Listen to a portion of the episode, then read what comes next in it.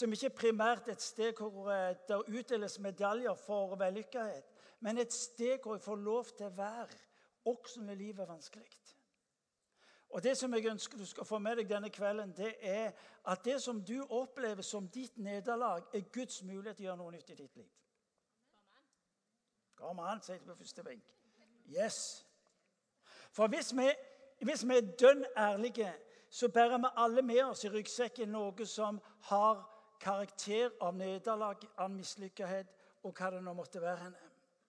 Eh, vi skal møte i dagens tekst en flokk som i utgangspunktet hadde alle forutsetninger for å få et fenomenalt liv, men som tryner noe så skikkelig. Alt det de hadde satsa på, alt det de hadde trodd på skulle være mulig, det gikk opp i liminga. Det de håpte skulle bære dem gjennom, så er det altså nederlag på alle plan. Nederlag i forhold til familien, nederlag i forhold til jobben, ambisjonene. For ikke glemme naboene. Men ikke bare i forhold til naboer og omstendigheter og omgivelser, men også der inne. Å oppdage og kjenne på sviket i sitt eget liv. Svikten, håp som brister, og så er det tilbake igjen hvor tvilen får lov til å styre og rå. De hadde vært livredde, denne gruppa som vi skal møte. De hadde eh, sprunget og gjemt seg. De hadde banna, de hadde sverga og grått på at de ikke kjente.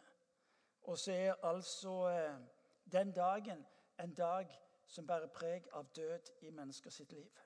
Nederlaget. Alle vet vi hva det er. Eh, alle har vi hatt nærkontakt med det i større eller mindre grad. Og nå snakker jeg ikke om fotball. Noen taper jo da konsekvent, uten at jeg skal verken nevne navn eller spillere eller alt det der. Jeg skal ikke si hva som er mitt favorittlag. Men nederlaget tar også med seg skammen. Skylden. Denne flaue smaken over å ikke holde mål.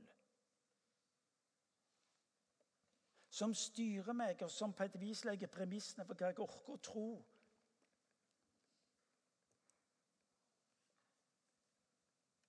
Mange av dere lever kanskje midt oppi nederlag akkurat nå. Ekteskapet som røyk. Ungene som er på avveier. De datene som du håpte på, som det aldri ble noe av. Kjæresten jeg ikke fikk. Jobben du mista. Målet du hadde satt opp for ditt eget liv. Og så er det slik at det styrer oss, det tar oss inn på en vandring som gjør at vi mister motet, frimotet. Jeg møter mennesker som, som forteller meg om nederlagene de opplevde mange år tilbake i livet, og som styrer de i dag. På et vis så går de med ryggen inn i fremtida. Fordi at regnskapet som de hele veien plagte seg sjøl med, regnskapet som fortalte om det mislykka, gjorde at de aldri vågte å se framover, se mennesker. Og så er det slik med oss at eh, vi gjemmer nederlagene, både de synlige og de som ikke er synlige, i vårt indre rom. Og så håper vi at det skal gå over.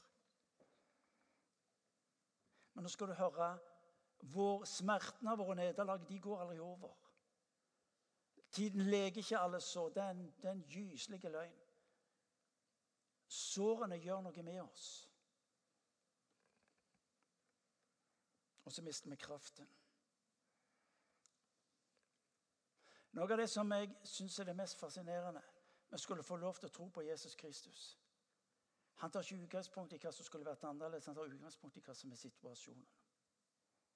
Og det skriftstedet som vi, skal lese, og som vi skal bli værende i noen minutter, det er et ord som forteller hvordan Jesus er, og hvem han vil være i ditt og mitt liv. Enten du er som Camille, som eh, ble kristen i vinter, og som døpte seg i går, og for meg og andre som har våget å tro på Jesus i, i flere tiår, så er det egentlig den samme situasjonen. Han møter oss akkurat på samme måten, uansett hvor du er henne. Disiplene hadde satsa og tapt. Disiplene hadde regnet med, og de hadde bomma. Og så gjør de det som de fleste av oss gjør, at vi isolerer oss når livet blir vanskelig. Disiplene hadde opplevd at eh, Jesus ble tatt til fange. De ser at han blir pint, de ser at han blir korsfesta, og de ser at han dør og legger seg i grav. Og disiplene har, etter tre års spesialutdanning, så tapper de på alle punkter og er nå redde. Og når vi er redde, så isolerer vi oss, og så håper vi at et eller annet skal gå over.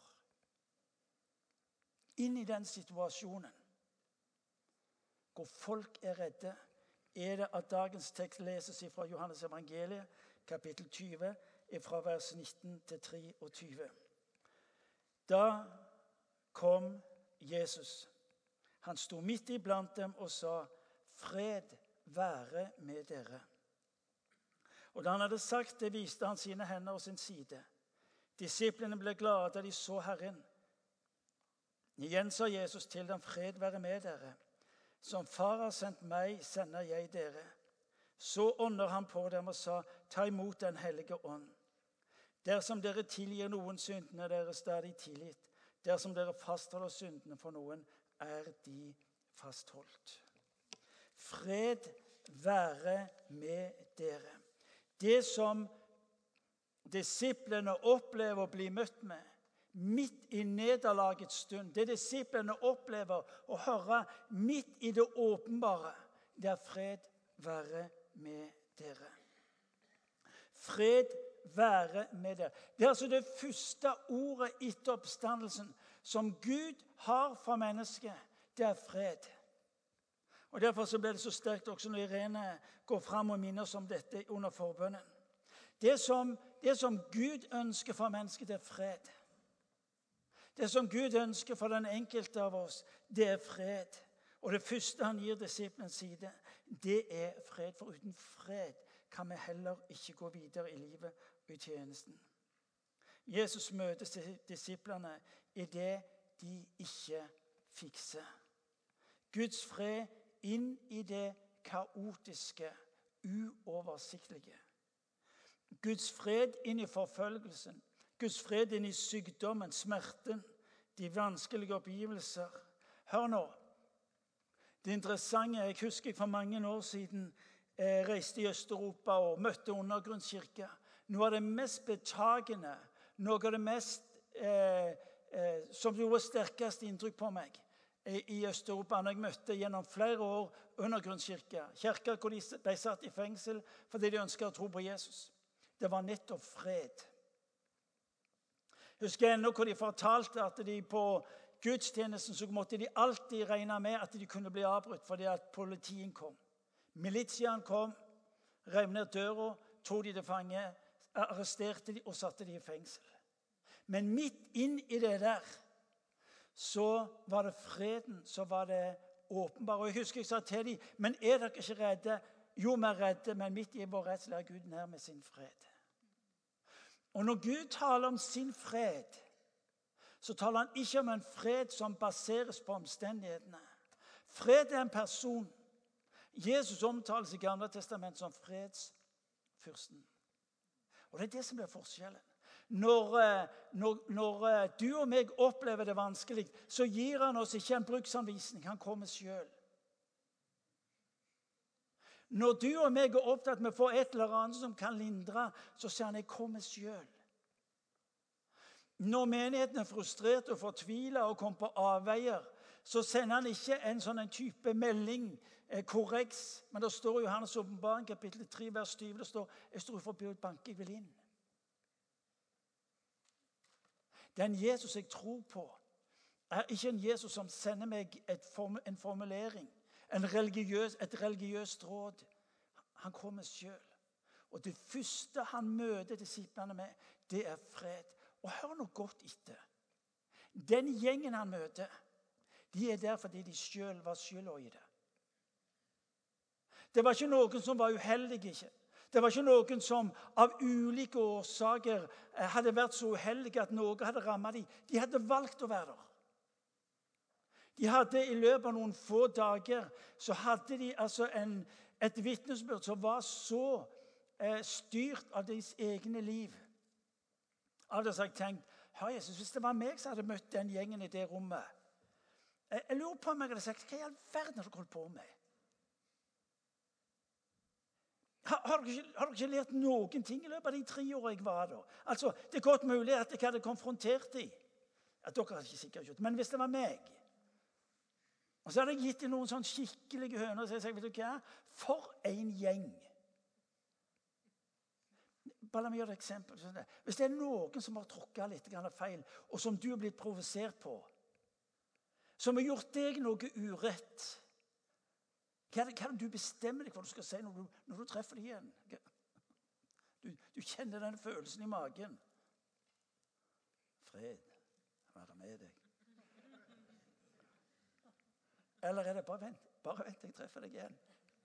Da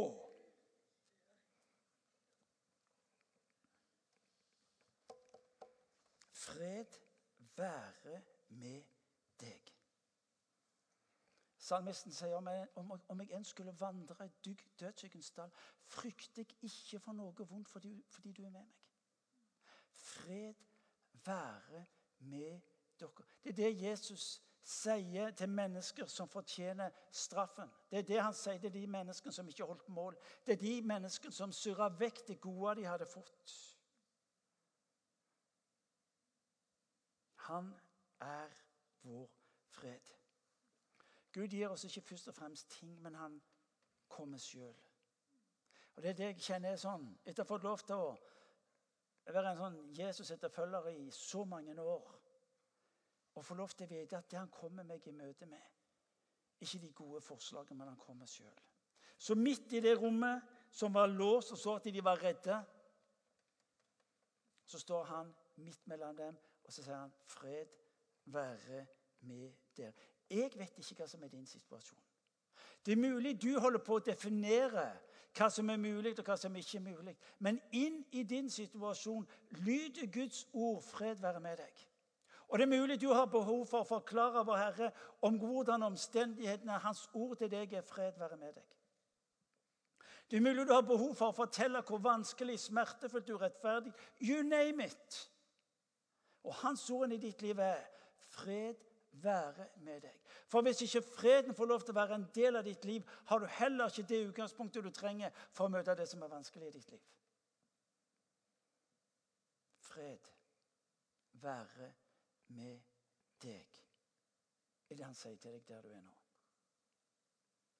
Og det er godt mulig du skal se livet ditt noen sekunder. Hvor jeg kjenner at livet er urettferdig, hvor livet er smertefullt og så kan du gi det det navnet som du ser. Ta, ta noen sekunder, og så, og, og så kjenn etter hvor du opplever at livet ikke er godt. Gjør det.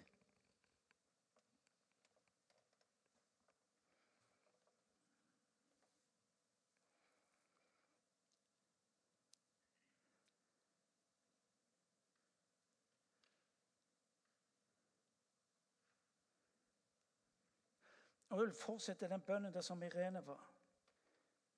Kan jeg be deg om å legge legg hånda di på hjertet ditt?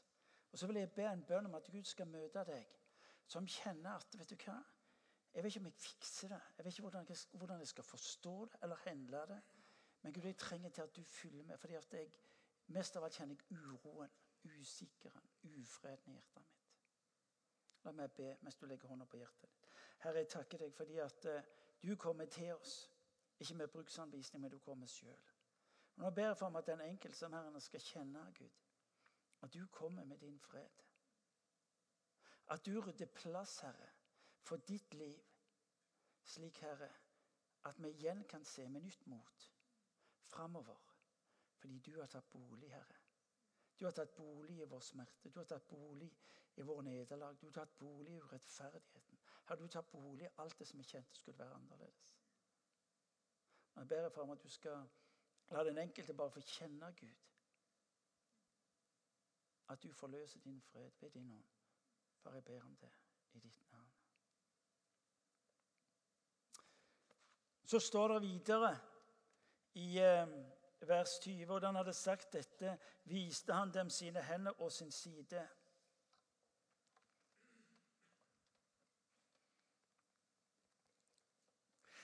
Det virker som det er om å gjøre for Jesus å vise disiplene hvem han er i den situasjonen de befinner seg i.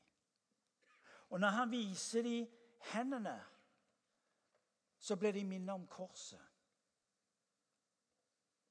Kristendom er ikke sånn en feel better-opplegg. Kristendom er ikke sånn en kom og få orden på livet-opplegg. Kristendom er ikke sånn en eh, kom til Jesus og, og få en mening med livet. Alt det der er bare bonus.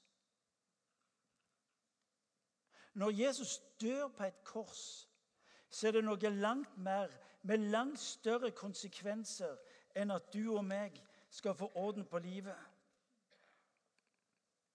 Fordi at ved korset så ryddes hindringene for at du kan leve det livet du var skapt til å leve. De ryddes vekk.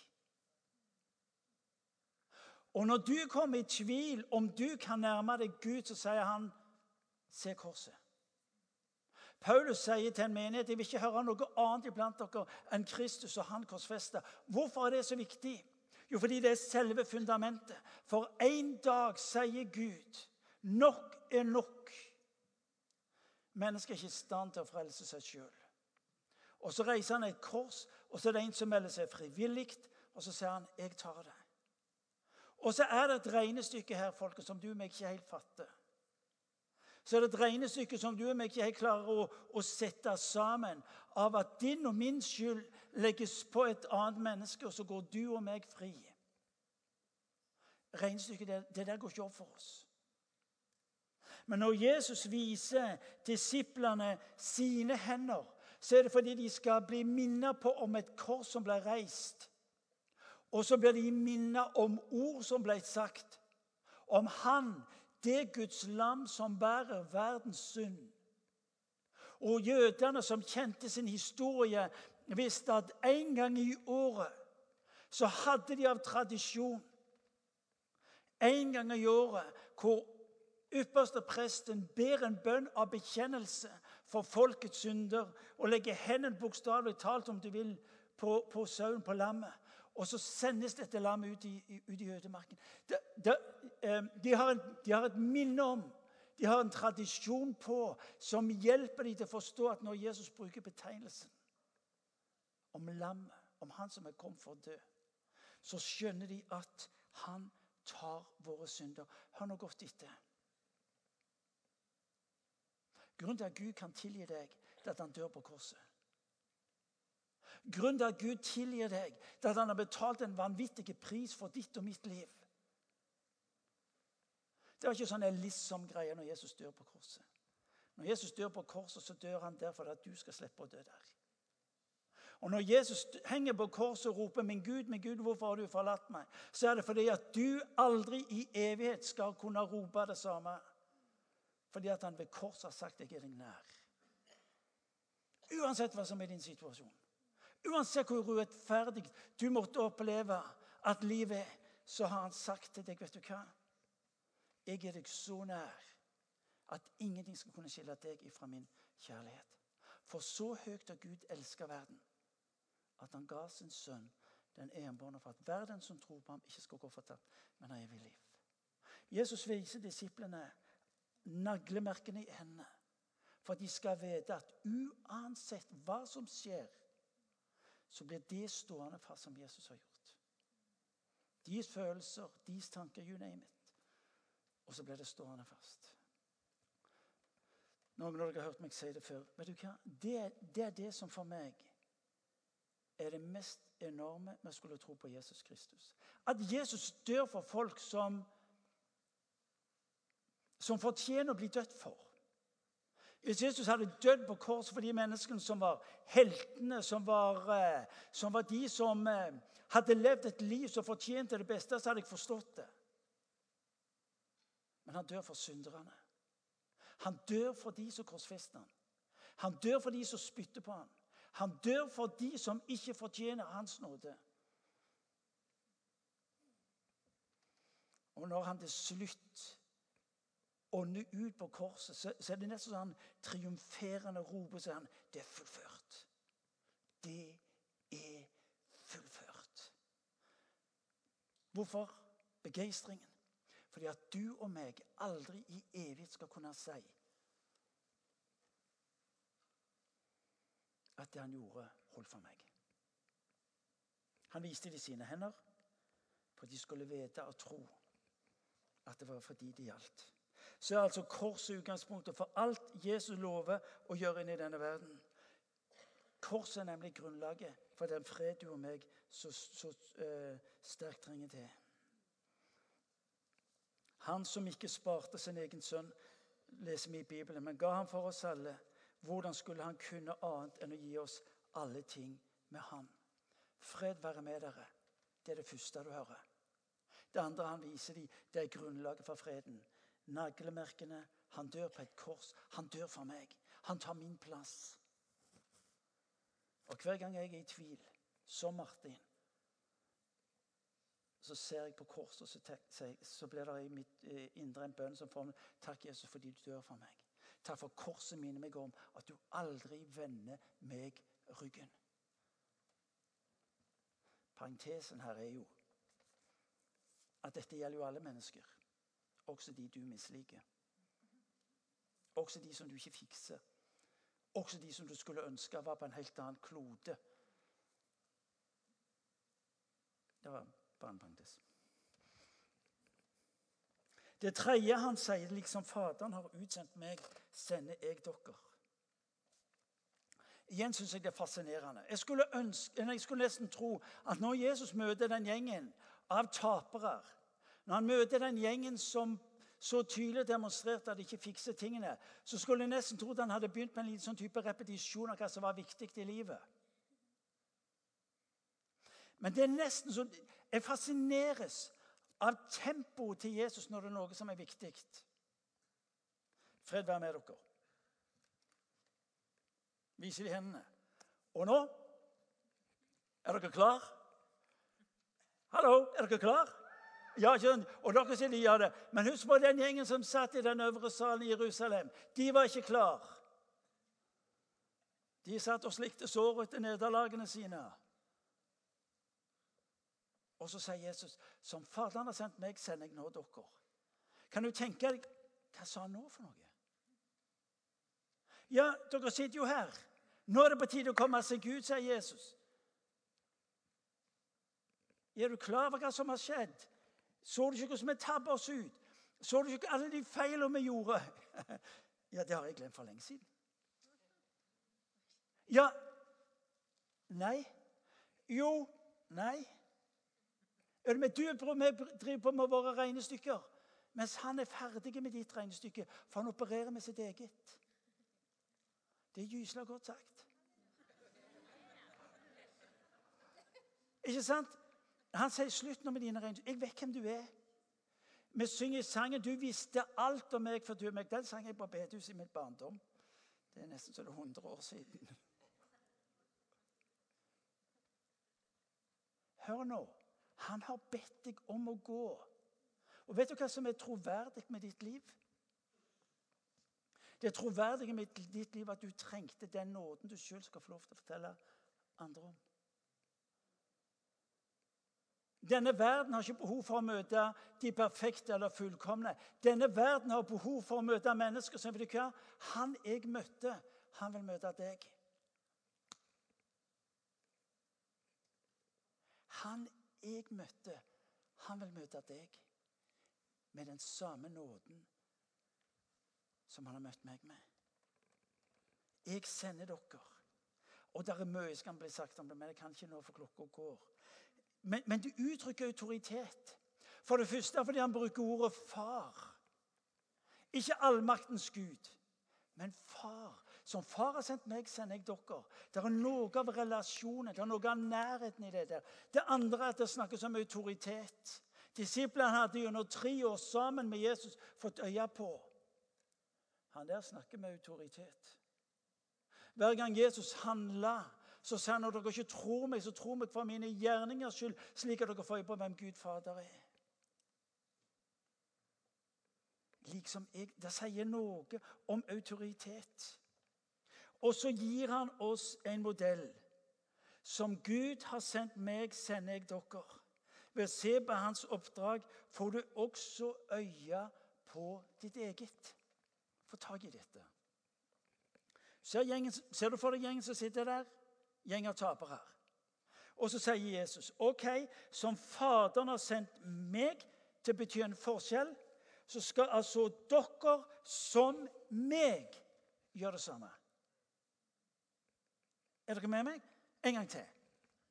Jesus sier, som Faderen har sendt meg, og vi vet Vi har lest litt i Bibelen og erfart litt. Så, så sier Jesus, som Faderen har sendt meg Og hva var det han var blitt sendt med? Alt det som sjokkerte verden. Så sier han nå, som Faderen har sendt meg, sender jeg dere i det jeg selv har mottatt fra Faderen. Altså, Han tar disiplene inn i sitt eget for at de skal gå videre med det han har for denne verden.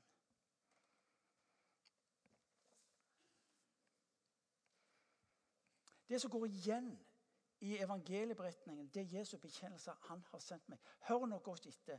Du som er en Jesus-etterfølger, du som ønsker å være en kristen, du er sendt. Kristen er lik sendt. Er du med? Altså, kristen er å få del i en motor. Altså, det er en selvmotsigelse å stå stille som kristen. Hva bilde kan jeg bruke?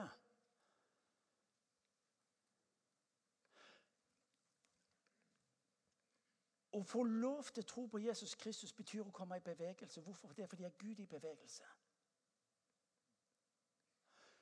Når, når, Gud handler inn i denne verden, så er det i en bevegelse mot mennesker fordi at mennesker skal få lov til å erfare at han er god.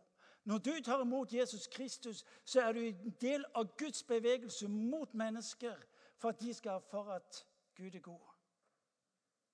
Jeg husker jeg for mange år siden, heldigvis er det mange år siden, så sa du må ikke se på meg, du må se på Jesus. Og så var det en eller annen glubing som sa ja, men hvordan, hvordan ser han ut? Hvordan ser han ut? Så det er Heidi Baker som sier noe slik som at uh, Jesus har et ansikt, og det er ditt. Det er bra. Det er litt utfordrende. Kan du dunke i han, så vil si deg, Jesus har et ansikt, og det er ditt. Kom an! Alt får du ut.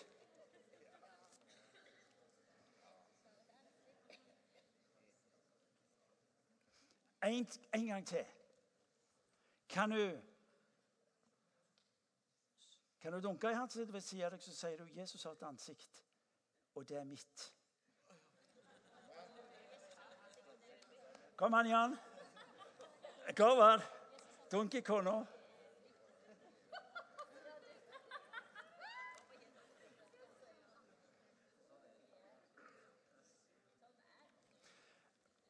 Jesus spør ikke hvordan du og meg har det, hva vi trenger. Han gir oss det vi trenger. Han tar ikke utgangspunkt i hva du makter eller du får til, men han tar utgangspunkt i hvem han vil være i ditt liv. Inn i det kaotiske. Han venter ikke til tingene har falt på plass. Jeg møter mennesker som igjen igjen forteller Martin, først må jeg få orden på livet ditt. Livet mitt, ja. Ditt, ja. La meg si det sånn det blir ingen lett greie. Jeg har vært gift med samme dame i 34 år. Hør med hun. Det er ikke lett. Og så sitter hun på første benk og sier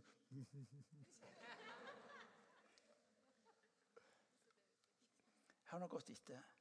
Hvis du er opptatt med å få livet ditt på stell for du tror han kan bruke deg, du kommer aldri til å bli brukt. For du når aldri det punktet hvor du opplever at du, livet ditt er på stell nok.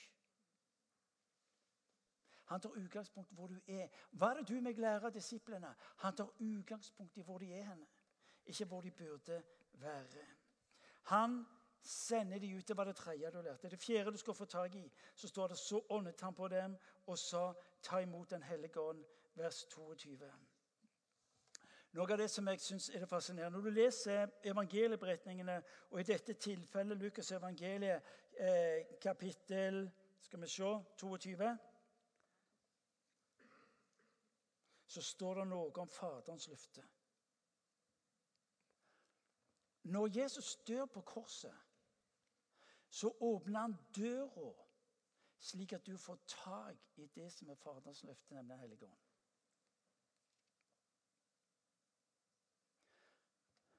Og Det betyr han lover at du og meg har det vi trenger for livet, alle sider av livet. Himmelsk kraft for jordisk liv. I det som er vanskelig og utfordrende, i det opplevde nederlaget, i møte med, eget svik, der møter Gud oss med sin nåde, sin fred og sin kraft.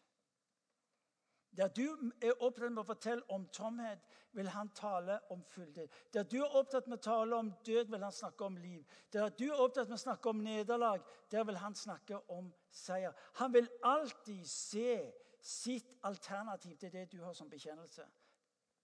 Får du tak i det? Han vil alltid se på sitt alternativ til det som er din bekjennelse. Ikke i egen kraft. Denne kraften får du ved Den hellige ånd. For det er bare Den hellige ånd som bærer med seg Guds rike livet som du og meg trenger. Kraften er til disposisjon. Du og meg må bare forholde oss til den. Av og til er det slik at eh, vi ber Gud om Hans ånd. Han sier 'slutt å be, du har fått den'. Av og til så sitter vi og bekjenner høyt at Gud, du må gi oss din ånd. Og vi gjør det. Vi, vi, vi ber i en bekjennelse av Gud. Vi vil ha mer av din ånd. Men av og til så tror jeg vi må gjøre det litt mer tydelig for oss sjøl. Han har gitt oss Den hellige ånd. Altså, Jeg kan sitte her og si at jeg har så lyst på et glass vann. Jeg har så lyst på et glass vann. Er du med og, så, og jeg skulle ønske jeg hadde et glass vann. Og så sier jeg mi slutt med det maset der. Du kan jo bare gå til springen og så kan du ta ut vannet. Du kan plassere deg i de situasjonene hvor du sier Gud, la meg få del i din ånd. Og han gir deg det. Hvis du tror at, at vår Herre velsigner deg med ånd og kraft der du sitter i stolen, så kan jeg fortelle deg at du får ingenting.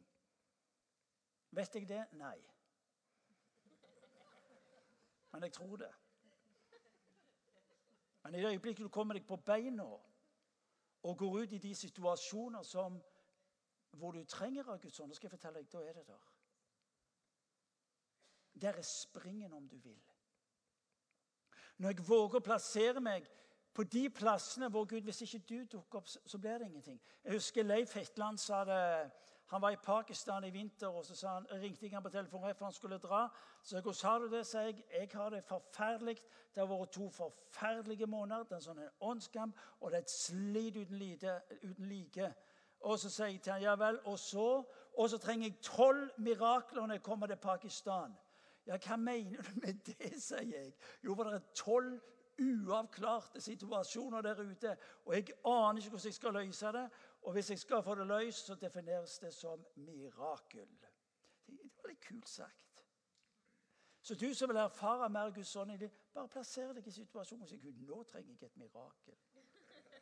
Og Så kommer du tilbake igjen neste søndag så forteller du hva det var. Det hadde vært kult. Så åndet han på dem, og så sa han ta imot Den hellige ånd. Få tak i noe her. Det er så viktig for meg at du får tak i dette, fordi at du og meg så ofte definerer oss som verdige og ikke verdige. Så ofte så tenker vi ja, hvis jeg bare har bedt noe og lest noe og oppført meg skikkelig, så får jeg det. Guds utgangspunkt er aldri hvordan du har oppført deg. Han tatt sitt utgangspunkt i hvem du er, der du er, for den situasjonen som eh, du trenger at han vil du skal være i. Hører du det? Jeg vet ikke hva du gjorde for fem minutter siden, eller for fem timer siden eller for fem dager siden. Men du må slutte med regnestykket som forteller at jeg har ikke oppført meg skikkelig de siste dagene. Derfor er jeg ikke kvalifisert. Gud tar ikke utgangspunkt i om du er kvalifisert eller ei. Han tar utgangspunkt i hvem er det som trenger min nåde. Så kan han leve med at den kroppen var litt møkkete.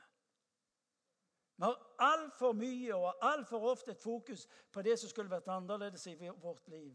Han åndet på dem, står det med sin hos seg. Ta imot. tenkte jeg. Å, kjære Gud, takk. Husk på at jeg som en INTJ-introvert jeg har stadig vekk regnestykker på eget liv. Jeg kan fortelle dere det er altfor mange, alt for mange ganger at de regnestykkene ikke går i hop. Han åndet Gud, jeg er klar. Og så åndet han på dem og sa, ta imot Den hellige ånd. Det øyeblikket du begynner å fortelle at jeg ikke er verdifull, ikke kvalifisert, ikke god nok, så det, det er et kvalifisert uttrykk for vantro. For han spør ikke etter om du er kvalifisert. Han spør etter vil du ta imot. Så åndet han på dem, og så sa han ta imot Den hellige ånd. eneste han forventer av deg, at du tar imot. Romerbrevet kapittel 12, 2, dere vet det. Embrace what God is giving you. That's the best thing you can do for him. Hva vil det si å være en kristen? Det å omfavne det han gir meg. Det er evangeliet. Det er evangeliet. Så slutt med dine gyselige regnestykker. Det siste Dersom dere forlater noen deres synder, da er de forlatt. Dersom dere fastholder dem for noen, da er de fastholdt. Vet du hva? Han gir deg og meg en autoritet til å gå ut og forkynne evangeliet. Og når mennesker tar imot evangeliet, tar de imot tilgivelsen for synder. Vi har av og til sagt du har autoritet til å tilgi og ikke tilgi. så nesten så det, det hviler på meg. Nei. Det primære fokuset er at når du forkynner evangeliet til mennesket, så forkynner du tilgivelse inn i det mennesket sitt liv. Det er ditt privilegium. Der du ser uretten skje, der du ser alt som skulle vært annerledes, så sier han Der du forkynner evangeliet, forkynner du tilgivelsen inn i mennesker sitt liv. Jeg skal begynne å slutte, som de sier enkelte steder. Fullmakt. Vet du hva det betyr? Og hør nå godt etter. Jeg tror ikke mennesker avviser Guds tilgivelse. De vet bare ikke hva det går ut på. Hvis menneskene skjønte hva Guds tilgivelse innebar, så ville de ha sprunget som galne for å få tak i den. Vi har bilder av at folk ikke vil ha noe med Gud å gjøre, men de vet bare ikke hvordan han ser ut. Eh, vi forteller at mennesker ønsker å være motstandere mot Gud. Det, er, de vet bare ikke hvordan han ser ut. Mennesket lengter etter tilgivelsen. Salmisten sier 'min sjel', sier salmisten. Den finner ikke hvile før den finner hvile hos Gud. Hvordan kan det mennesket som er skapt av Gud, klare seg uten Gud? Jo, det er en periode her hvor vi har definert en hel masse ting som Salmisten sier Min sjel finner ikke hvile. Skjønner ikke Gud. Skjønner ikke tilgivelsen. Skjønner ikke det han holder på med. Men er det noe jeg trenger, så er det Hans nåde. Gud eller I don't know. Er det noe jeg trenger, så er det vite at en Gud er for meg. Forstår jeg Gud? Tror jeg på Gud? Jeg vet ikke. Er det noe jeg trenger, så er det vite at livet mitt har en mening. En hens. Jeg er utsendt av en Gud eller noe annet. Jeg vet ikke, men jeg trenger det. Fordi det, det er det jeg er skapt til. Jeg trenger den kraften som Jeg skjønner ikke hvor jeg skal hente den fra, men jeg trenger den. Om det er en Gud eller noe, det vet jeg ikke, men jeg trenger det. Og så er det akkurat det som Jesus tar disiplene inn i, i nederlaget, i det som synes å være håpløse. Det som alle roper etter og lengter så veldig etter. Disiplene kunne ha sett på tre mislykka år, og så kunne de sagt 'Beklager, Jesus, vi gidder ikke mer. Vi er ferdige'. Hva vil det si å tro? Tro er å motta. Tro er tillit. Vi har gjort tro til intellektuell greie. Tro er å motta.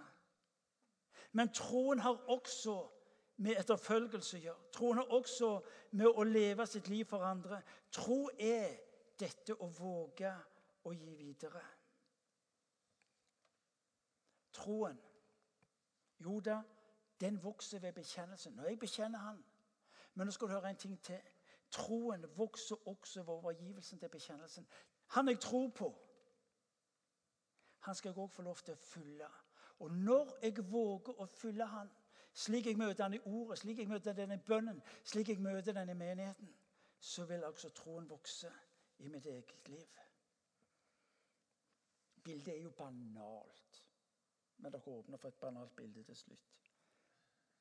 Hva hjelper det om jeg tror og bekjenner at flyene på flyplassen kan fly, og hundrevis av mennesker faktisk kan holde seg i lufta i timevis? Hvordan kan jeg bekjenne at jeg tror at det er mulig uten selv aldri gå ned i flyet? Jeg er enig i bildet var banalt. Men å si at jeg tror at et fly kan fly uten å våge å gå inn i det, det betyr at livet mitt kobles ikke opp til bekjennelsen. Det er mange her inne som godt mulig skal våge å koble troen og livet opp til bekjennelsen, for ved det å se forvandlingen i eget og andres liv. Dere har hørt meg si det før. Spørsmålet er ikke hvem du tror på, men hvem du følger. På en måte er det feil sagt, og allikevel er det riktig.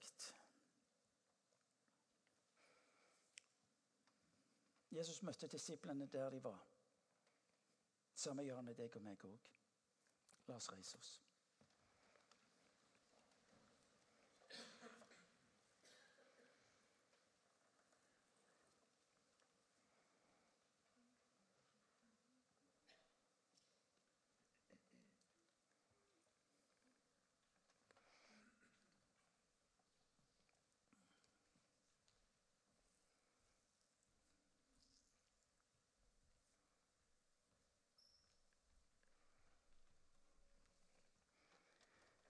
Noen dager seinere, etter denne hendelsen, vokser det fram et liv som skaper en revolusjon. Ikke fordi at disiplene plutselig var blitt så gysla mye mer opplyst eller forsto så mye mer eller hadde mer grep på tingene. Grunnen til at denne gjengen, som vi ville ha bedt dømt som hjelpeløse, som feilslåtte, og som vi ville ha sagt Vet du hva? Beklager. Ferdige. Dere holdt ikke mål. Finne noen andre. Men det som kjennetegner denne gjengen, det var at de gjorde én ting.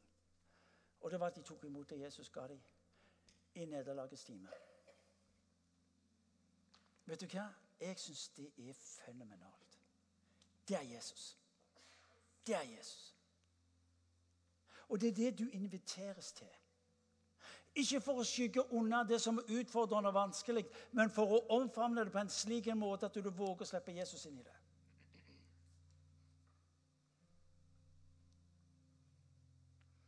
Der du er opptatt med å definere, plassere og finne ut hva som Så sier han, la meg få lov til å være der med min fred, med min kraft, med mitt nærvær. Og så skal du oppdage at jeg forvandler livet og situasjonen fra å være nederlaget og mørket til å være seieren og lyset. Det går noen få dager ifra denne gjengen gjemte seg i et rom i Jerusalem, til de gikk ut og forvandla verden som de var en del av. Folkens, og det starter med at de våger å ta imot hans fred hans ånd. Hans utsendelse. Og det er det du og meg inviteres til nå. Sommeren ligger foran oss. For noen av oss blir det ei gyselig tid. Alt som bryter med den normale og vanlige rytmen, er du med? det blir bare surr av. Mitt liv og sommer, det er det det blir bare tull. Alt jeg skal gjøre når sommeren kommer, og sommeren kommer Ingen faste rammer. ikke sant vel? Therese nikker og helt Det er ei plage. Når ferien er omme, så tenker jeg åh, jeg må komme meg hjem, så jeg kan begynne å leve normalt. Men vet du hva det betyr for mange av dere? Dere skal utfordres. Dere skal utfordres på livet. Så la sommeren bli ei tid Hvor du våger å lese Johannes evangeliet kapittel 20 hver enda dag, vers 19-23. sier, Herre, vil du fylle meg med din fred? Vil du ånde på meg i dag? Vil du hjelpe meg til å se at du har sendt meg til å bety en forskjell i menneskers liv, i situasjoner, disse ukene denne sommeren? Hjelp meg til at sommeren ikke blir ei tid som kalles for tørketid eller nederlag, men det blir ei tid hvor vannet, livet, kraften fikk lov til å forvandle. Så la oss be. Av og til så prøver vi jo å manipulere litt. Grann. Du vet hva det betyr? Manipulere. Vi vil, ærlig, vi vil være ærlige med det vi gjør her i huset. Du bare rekker fram hendene. Hvis du kan leve med det. Så sier du med hele det, Gud, la meg få lov til å motta det du nå gir. Jeg skal slippe å ta meg sammen. Jeg skal slippe å være en annen enn det jeg er. Men jeg vil bare rekke fram hendene, Gud, og så, og så sier jeg med det Gud, dønn ærlig, dette er livet mitt. Dette er livet mitt. Tal inn i det. Tal inn i det. Spar meg og omgivelsene mine for alt dette her religiøse fjaset. Og la meg få ta imot. Og mens eh, musikerne spiller, så skal du få stå der i liten stund, så skal du bare ta imot. Du skal bare få ta imot.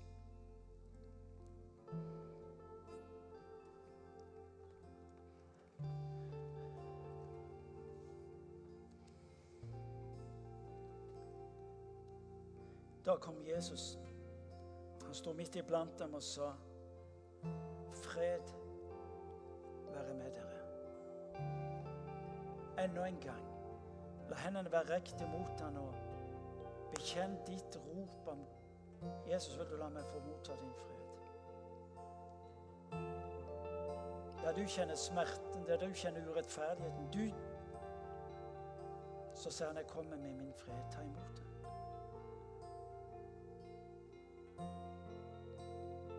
Der du sliter med regnestykkene så sier han fred. Fred være i deg. Fred være i deg. Der du ser den håpløse livssituasjonen, ser han fred.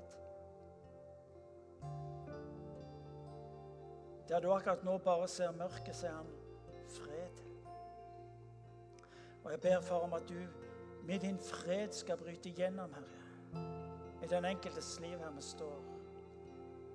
Fred, Herre. Og da han hadde sagt det, viste han dem sine hender og sin side. Jesus, jeg takker deg for at ingenting Du sier ingenting. Ingenting er for stort, for vanskelig, for uakseptabelt til at ikke du dør for det.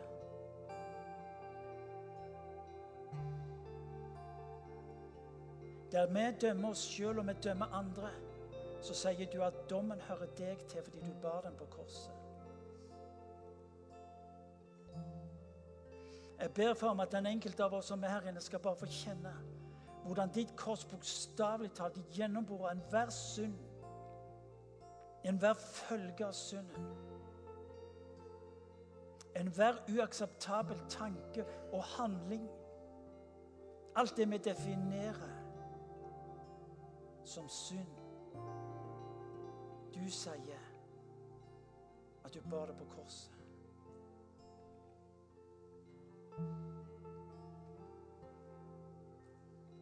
Fred være med dere. Som Far har sendt meg, sender jeg dere.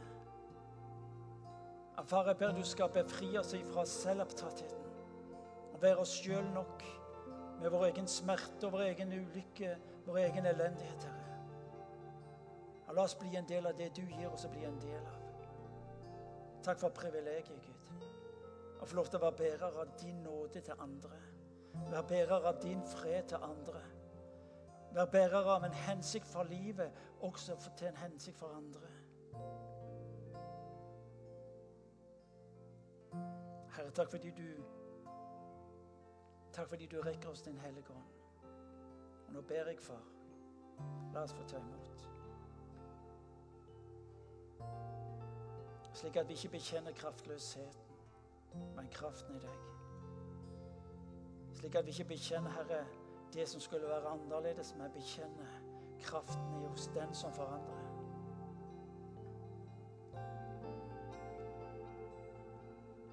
Kom, Hellige Ånd. Han sier 'ta imot'. Han minner deg og meg om i kveld om å ta imot.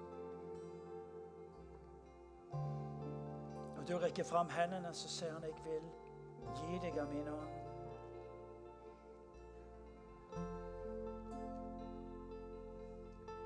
Ta imot Den hellige ånd. Ta imot Den hellige ånd. Og dersom dere tilgir noen syndene, dere stadig tilgitt. Og dersom dere fastholder syndene, for noen av de fastholdt.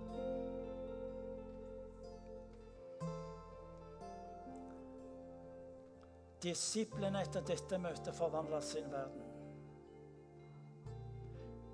Ditt liv etter dette møtet i kveld bærer forvandlingskraften i seg for de situasjoner og de mennesker som du skal møte i dagene som kommer denne sommeren. Jesus inviterer deg til ikke bare ha en tro som bekjennelse, men en bekjennelse du har flytta inn i, og som forvandler. Og så til deg som ikke kjenner Jesus, som ikke tror på han, som ikke bryr deg om han. Han sier til deg der du står,